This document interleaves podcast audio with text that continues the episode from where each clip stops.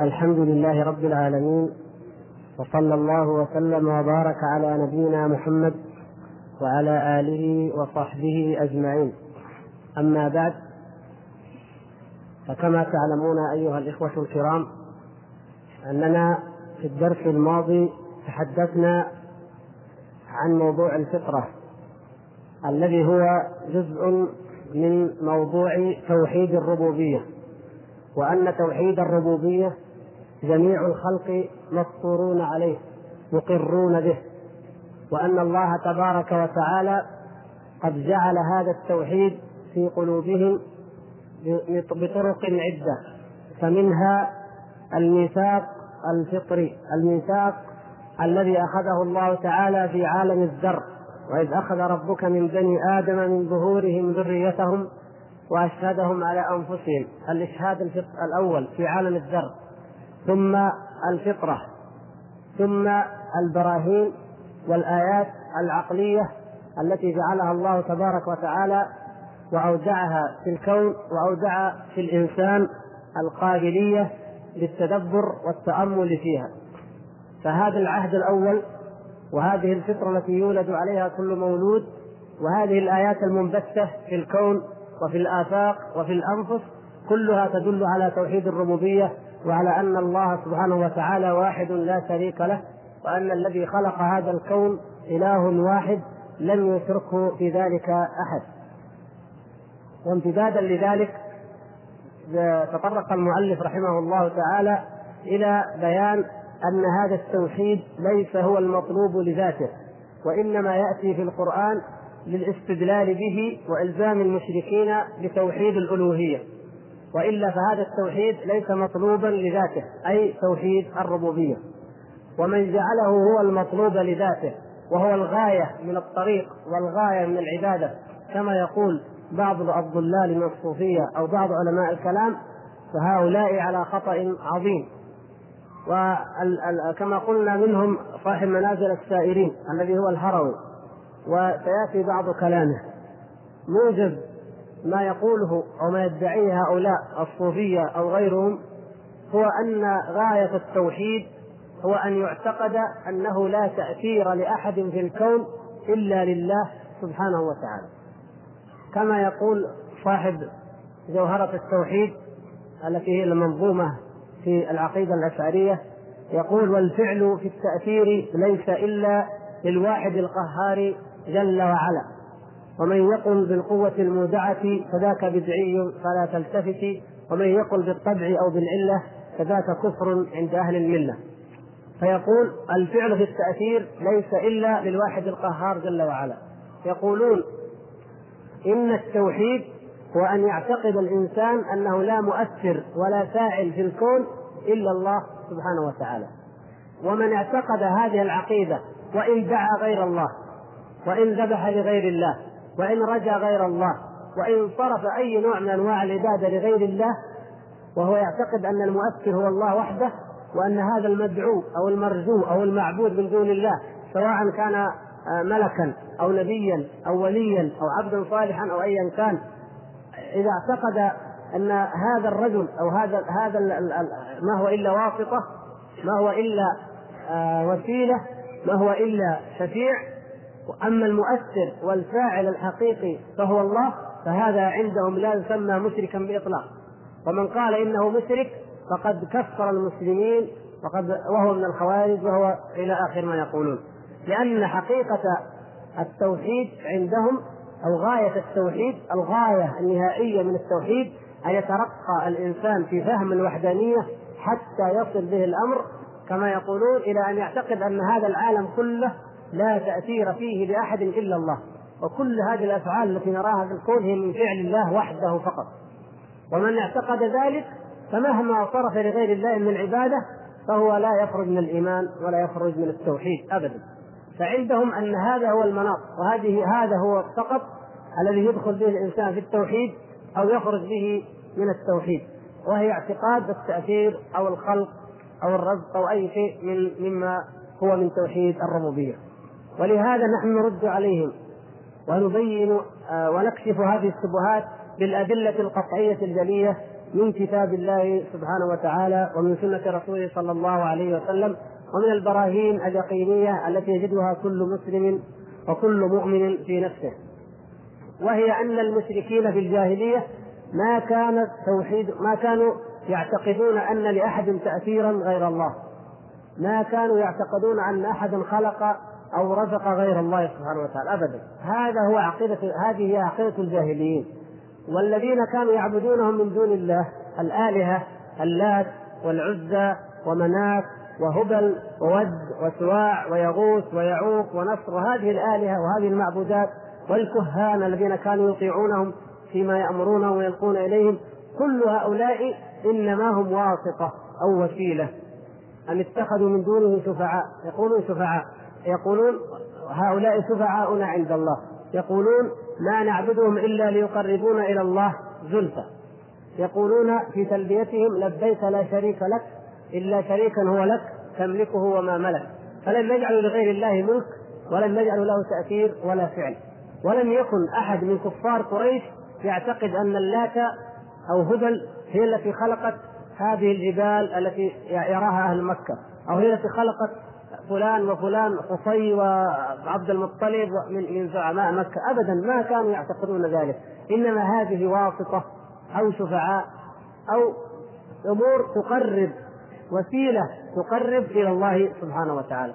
إذا فنقول لهم أنتم تريدون أن ترجعونا إلى عين الشرك القديم وإلى حقيقة الشرك القديم ولكن بدعوى مغلفة وهي أنكم تقولون أن أن هؤلاء المشركين الذين يدعون الإسلام مثلا يقولون لا يعتقدون أنه لا تأثير لأحد إلا لله سبحانه وتعالى ولذلك فالمؤلف رحمه الله سوف يأتي بهذه الأدلة من القرآن ونفصلها إن شاء الله تعالى ولا سيما الآيات التي في سورة النمل للاستدلال بها على ذلك. والقرآن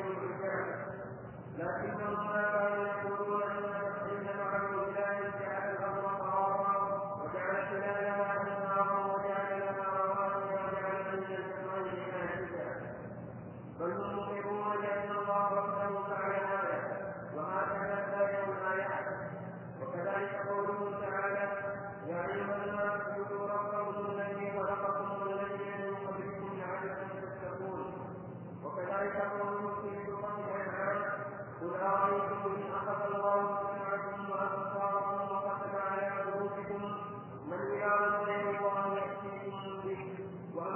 ذلك. أحسنت.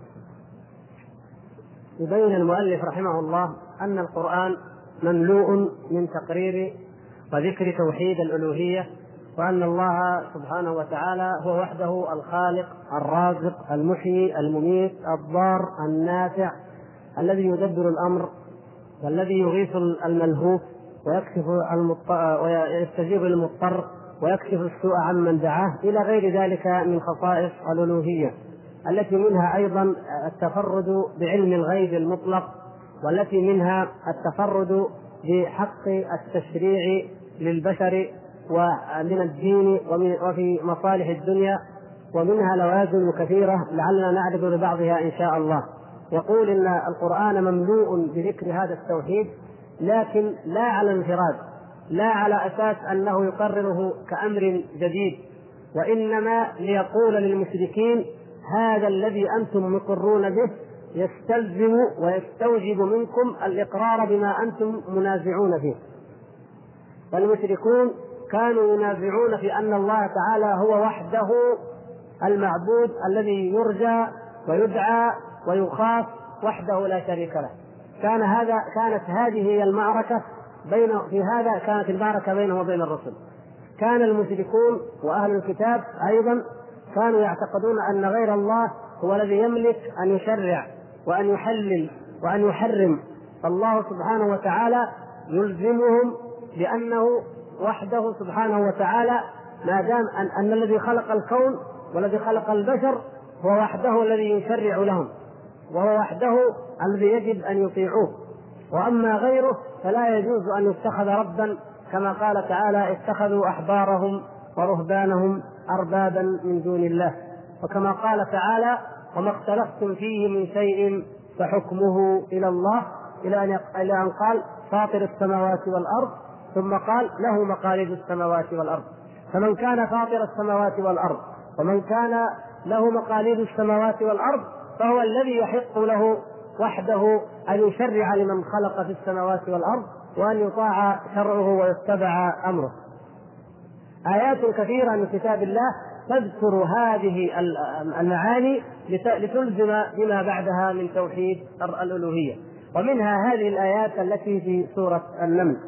قول الله سبحانه وتعالى قل الحمد لله وسلام على عباده الذين اصطفى آه الله خير أما يشركون ثم ذكر خمس آيات تنتهي كل منها أو في كل منها قوله تعالى أإله مع الله أإله مع الله أإله مع الله. أمن خلق السماوات والأرض وأنزل لكم من السماء ماء فأنبتنا به حدائق ذات بهجة. ما كان لكم أن تنبتوا شجرها. أإله مع الله بل هم قوم يعدلون. إلى أن يقول أمن يبدأ الخلق ثم يعيده؟ ومن يرزقكم من السماء والأرض؟ أإله مع الله؟ قل هاتوا برهانكم إن كنتم صادقين. خمس آيات في هذه السورة بعد أن ذكر الله سبحانه وتعالى كما تعلمون بعد أن ذكر في أول السورة تكذيب قوم فرعون. وجحدوا بها واستيقنتها أنفسهم ظلما وعلوا. وبعد أن ذكر تكذيب قوم سبأ. وقصة أهل اليمن الذي كانت ملكتهم بلقيس مع سليمان عليه السلام ثم دخولها في دين الله سبحانه وتعالى. وبعد أن ذكر تكذيب ثمود قوم صالح ثم ذكر قوم لوط وإهلاكهم وما, وما كان لهم ثم بعد ذلك ذكر هذه الآيات.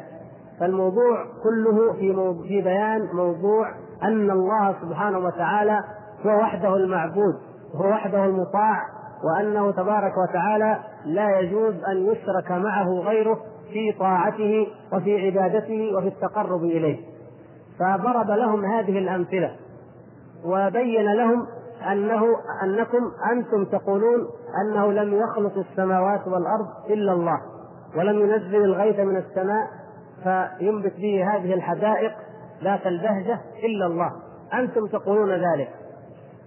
فيقول تبارك وتعالى بعد ذلك منكرا عليهم أإله مع الله؟ يبين هذا يبين الخلق ثم يقول أإله مع الله؟ أي أإله مع الله فعل هذا فتعبدون مع الله غيره؟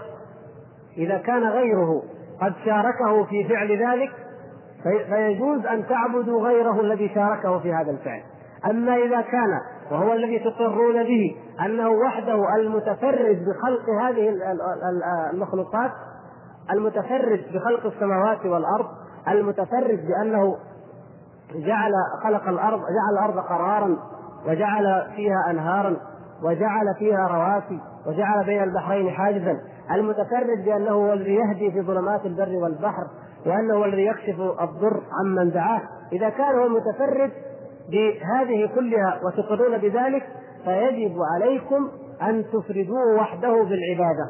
ولا تعبدوا غيره أبدا سبحانه. لا تدعوا غيره ولا تصلوا لغيره ولا تذبحوا لغيره ولا تنذروا لغيره ولا ترجون وتخافون رجاء وخوف العبادة إلا هو وحده سبحانه وتعالى.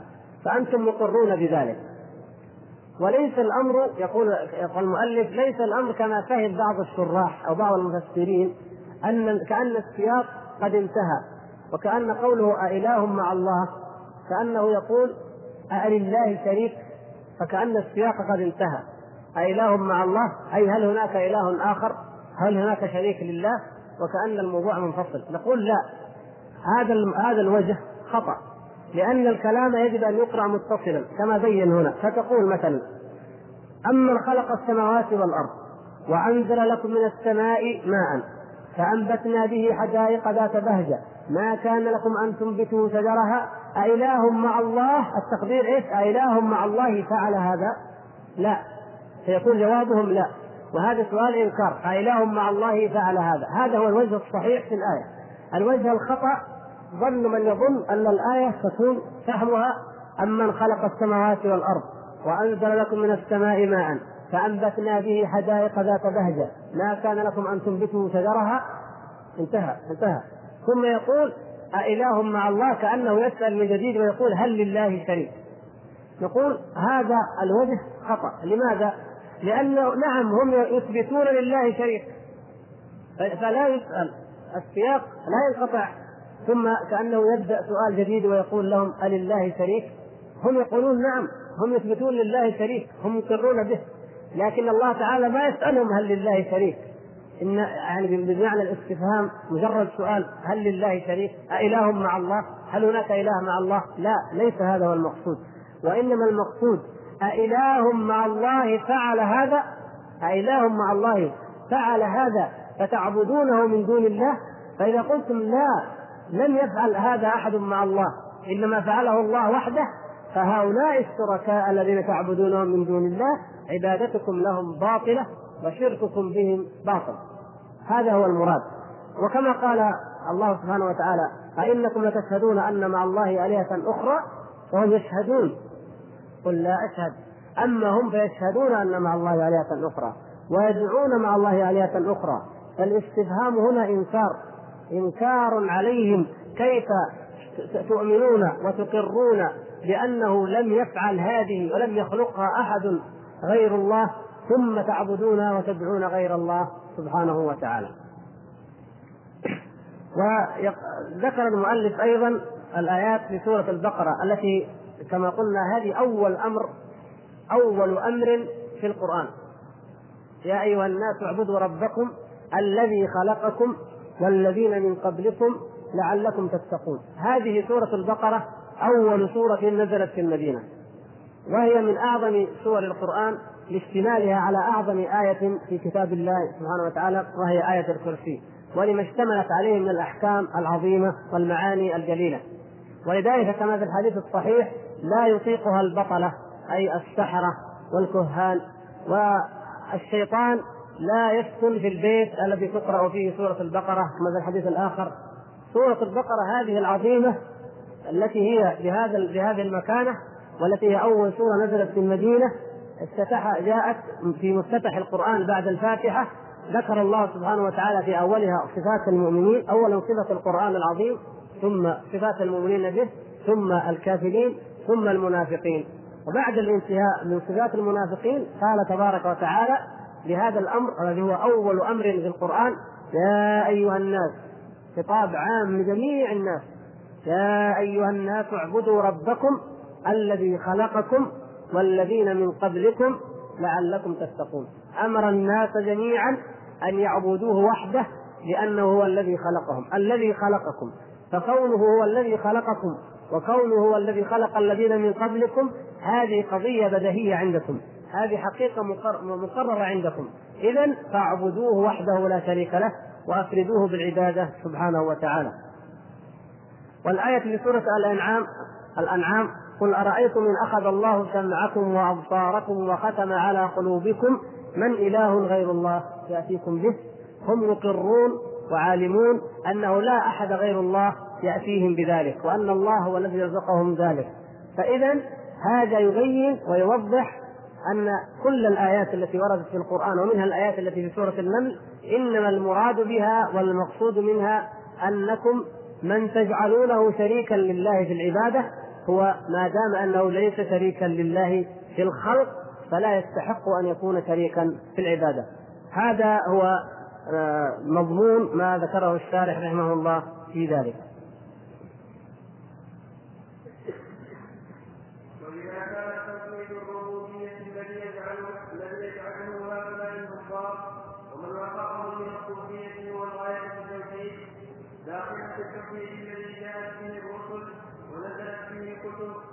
فليعلم ان دلائله متعدده كدلائل اثبات الصانع ودلائل كسب الرسول فان العلم كلما كان الناس اليه احوج كانت ادلته واظهر رحمه من الله بخلقه والقران قد ضرب الله للناس فيه من كل مثل وهي المقاييس العقليه المفيده بالمقالب الدينيه لكن القران يبين الحق في الحكم والدليل فماذا بعد الحق الا الضلال وما كان من مقدمات معلومة ضرورية متفقا عليها استدل بها ولم يحتج الاستدلال عليها والطريقة البسيطة في البيان الحسنى وهي طريقة القرآن بخلاف ما يدعيه الجهال الذين يقولون أن القرآن ليس فيه طريقة قرآنية يشتبه ويقع فيه نزاع فإنه يبينه ويدل عليه. ولما كان الشرك في الربوبية معلومة ابتداء عند الناس كلهم باعتبار إثبات خالقهم باعتبار إثبات خالقين متناقضين في الصفات والأفعال وإنما ذهب بعض المشركين إلى أن ثم خالقا خلق بعض الحالة كما يقولون الفرعونية الظلمة وكما يقولون القدرية في أفعال الحيوان وكما يقولون الفلاسفة الكلية في حركة الأسباب أو حركة النفوس أو الإنسان الطبيعية فإن هؤلاء يثبتون أمورا محدثة بدون إحداث الله إياها وهم مشركون في بعض الربوبية وكثير من مشركي العرب وغيرهم قد يكون في آلهته شيئا من نفع أو ضر بدون أن يخلق الله ذلك فلما كان هذا في الربوبية موجودا في الناس بين القرآن والقرآن كما في قوله تعالى ما اتخذ الله من ولد وما كان معه من اله اذا لذهب كل اله بما خلق ولا بعضهم على بعض فتامل هذا القران البارع بهذا اللفظ الوجيه الخالق فان الاله الحق لا بد ان يكون خالقا سائلا يوصل إلى عادته النفع ويدفع عن الضر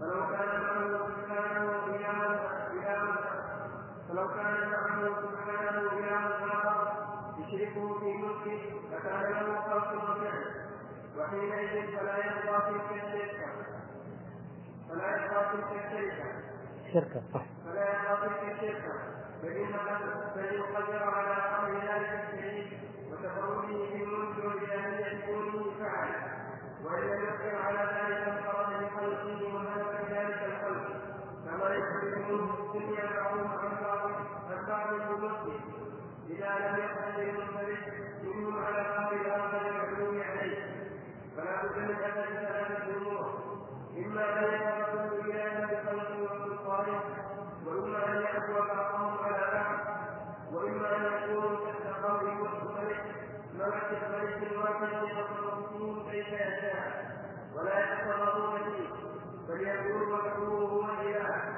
وهم العبيد المرغوبون المحبوبون من كل وجه وانتظام الله تعالى ما كان امره من هذا الدليل على أن تكبيره اله واحد وملك واحد ورب واحد لا اله الا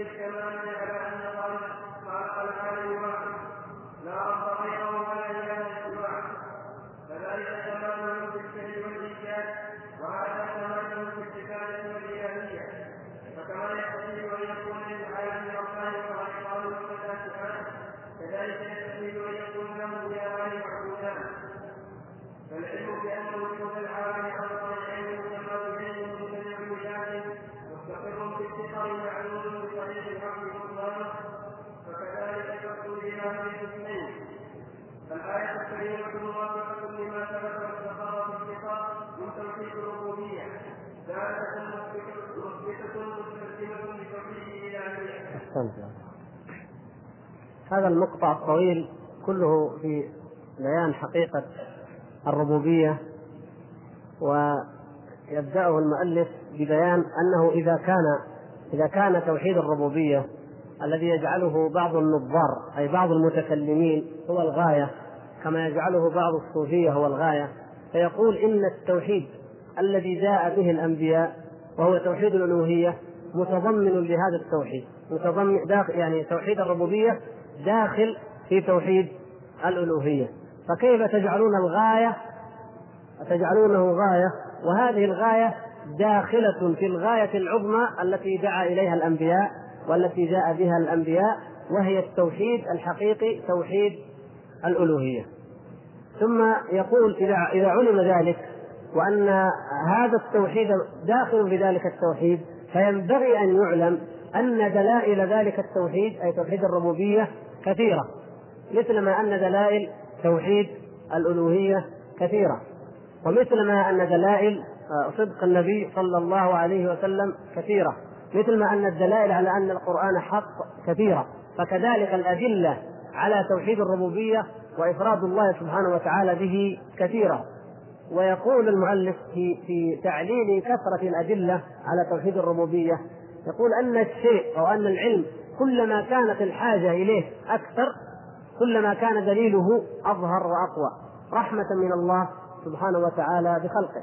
فإن الأمور العقيدة الدقيقة التي لا يحتاج إليها كل إنسان هذه تجد لا يعلمها إلا الراسخون في العلم. وأدلتها تحتاج إلى تتبع وإلى قراءة وإلى دراسة وإلى نظر. ولكن الأمور العظمى الكبرى التي يترتب عليها كون الإنسان مؤمنا أو كافرا كونه يدخل الجنة أو يدخل النار. هذه الأمور واضحة جدا من رحمة الله سبحانه وتعالى أنه أوضحها وأظهرها وجلاها لعباده.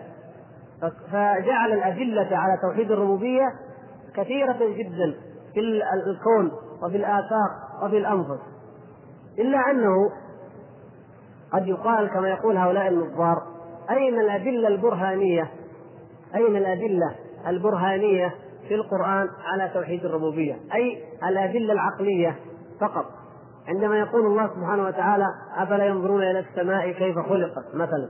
عندما يقول الله سبحانه وتعالى إن في اختلاف الليل والنهار مثلا في الآيات الكونية. عندما يقول في أنفسكم فلا تبصرون؟ وغير ذلك يقولون هذه آيات عيانية يعني تشاهد بالعين بالنظر.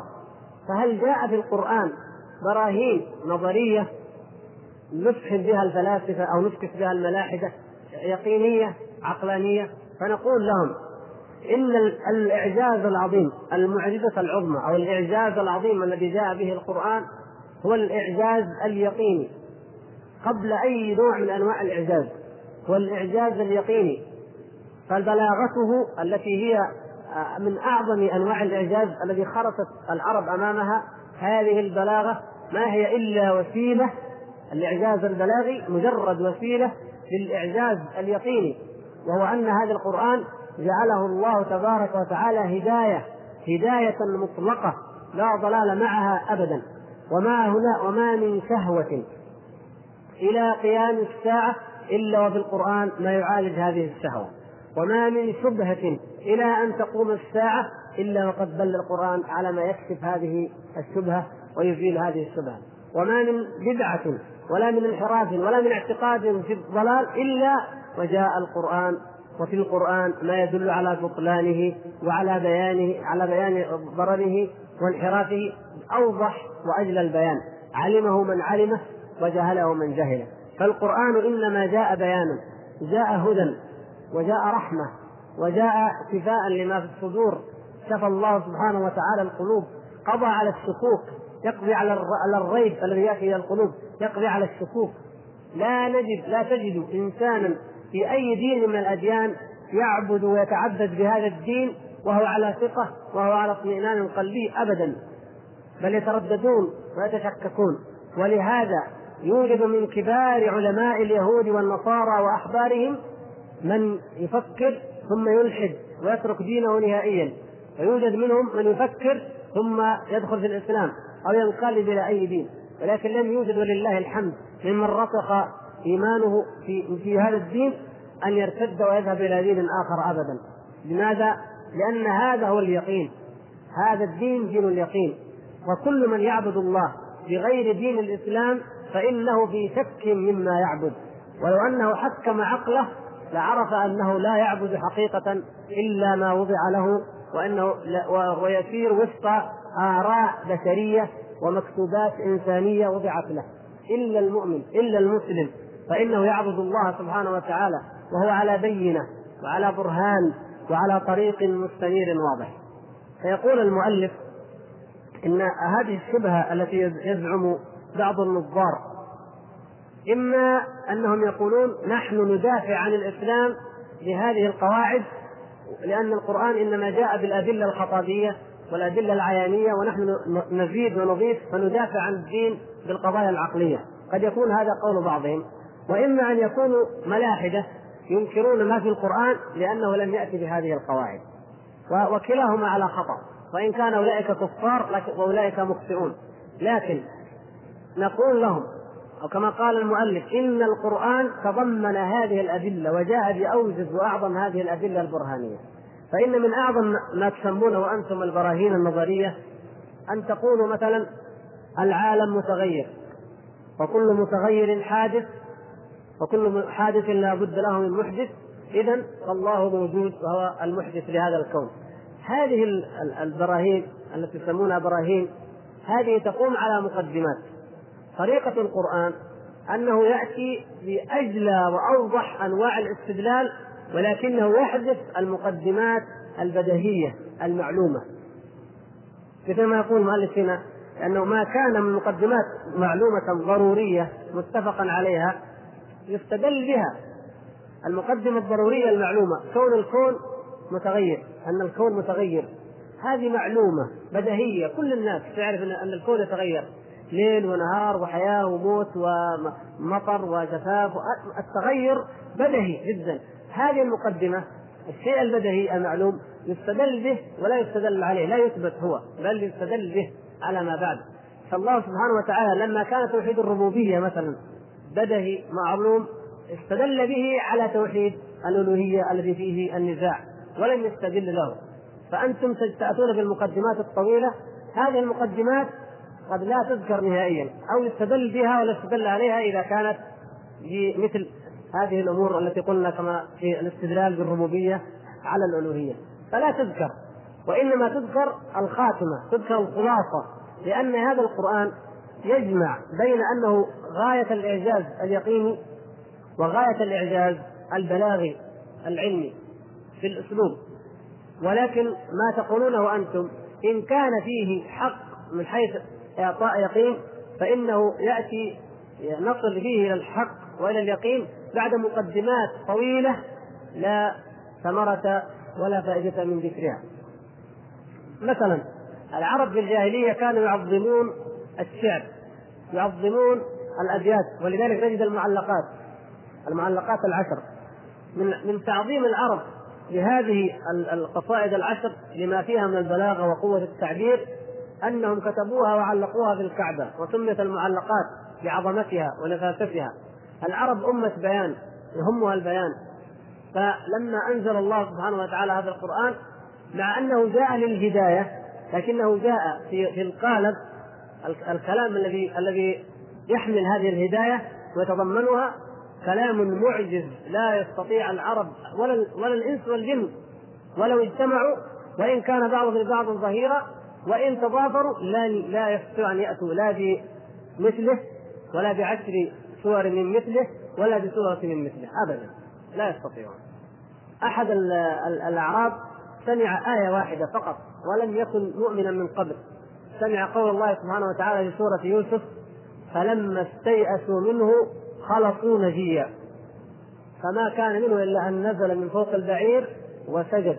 وهو لم يؤمن ولم يدري أن في القرآن شيء اسمه سجود. تعجب وقال ما لك؟ قال والله هذا ليس من كلام البشر أبدا.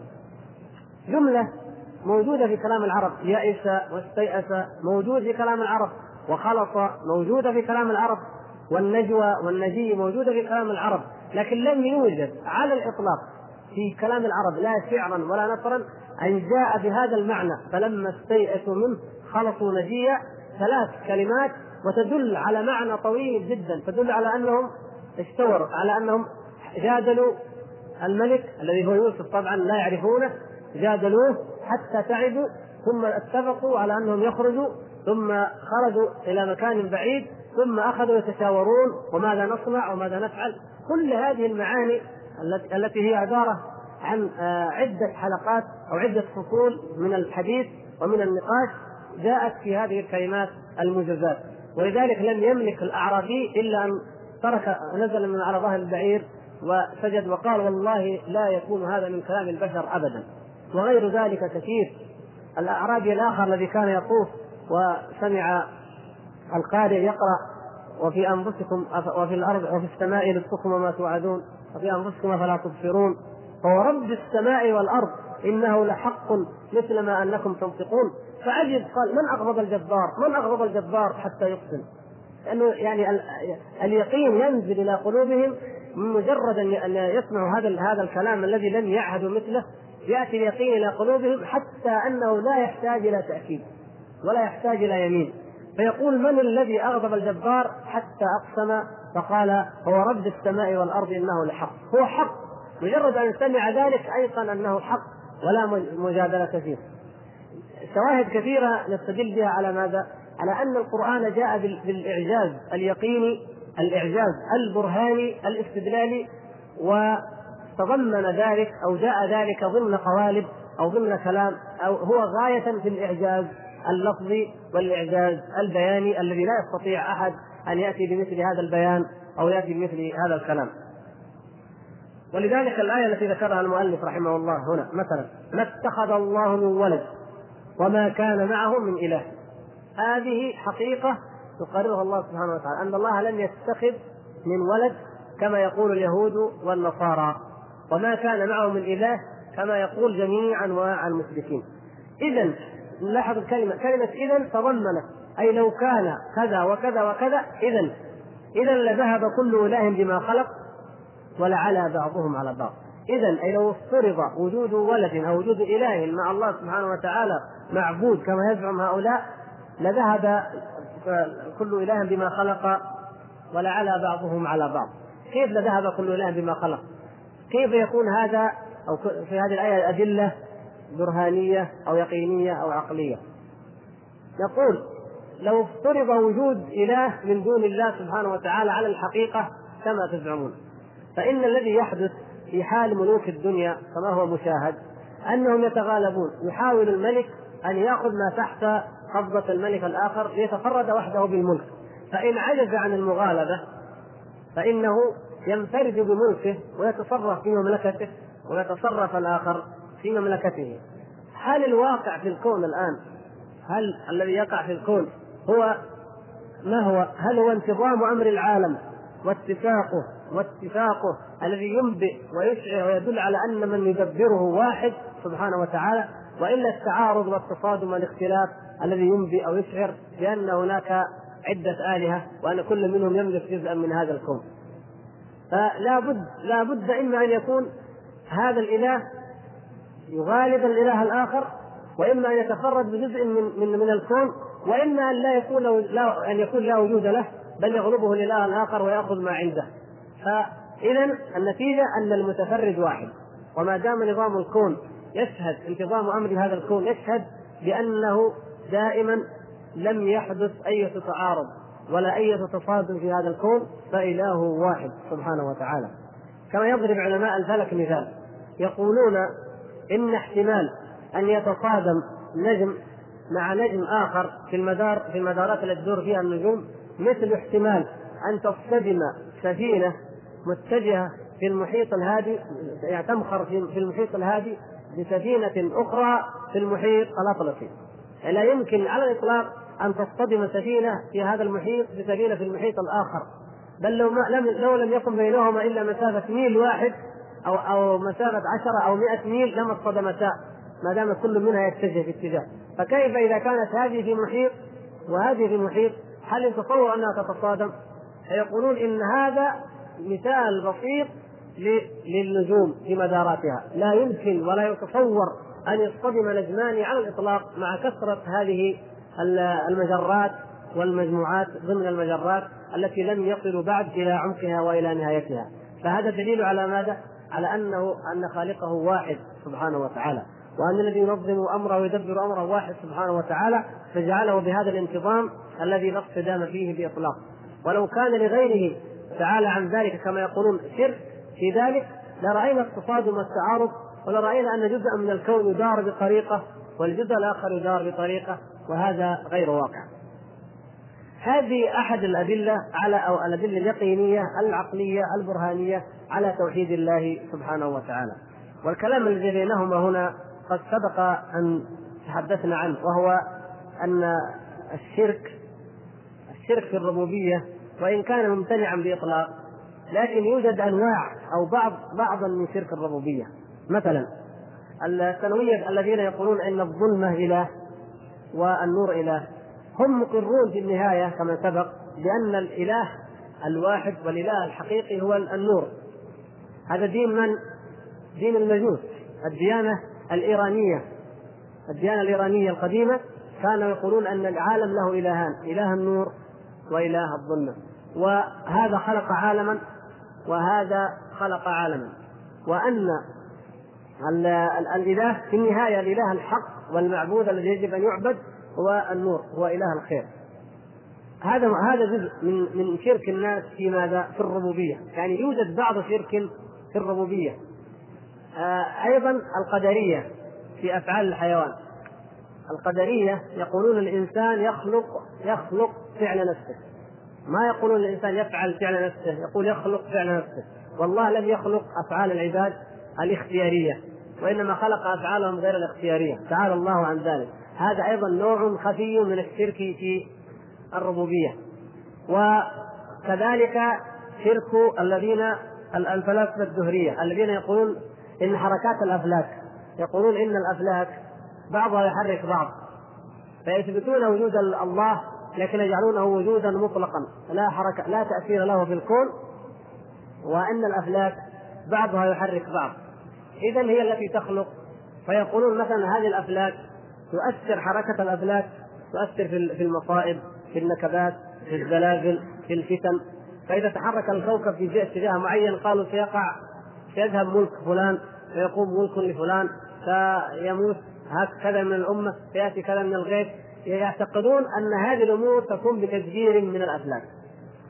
كل هذه الأفكار هي أنواع من الشرك في الربوبية. شرك في ربوبية الله سبحانه وتعالى. ولذلك جاءت الأدلة في القرآن تنفي هذا الشرك تنفي شرك الربوبية نفسه. مع نفي هذا الشرك الألوهية وهو الأصل أن ينفى. وتستدل بنفي الشرك في الربوبية وبتقرير حقيقة الربوبية على تقرير حقيقة الألوهية وهذا هو الأهم أي تقرير حقيقة الألوهية. فيقول المؤلف كما قد دل دليل التمانع على أن خالق العالم واحد فدل أيضا هذا الدليل أو هذه الآية على أن آه، الإله أو المعبود واحد.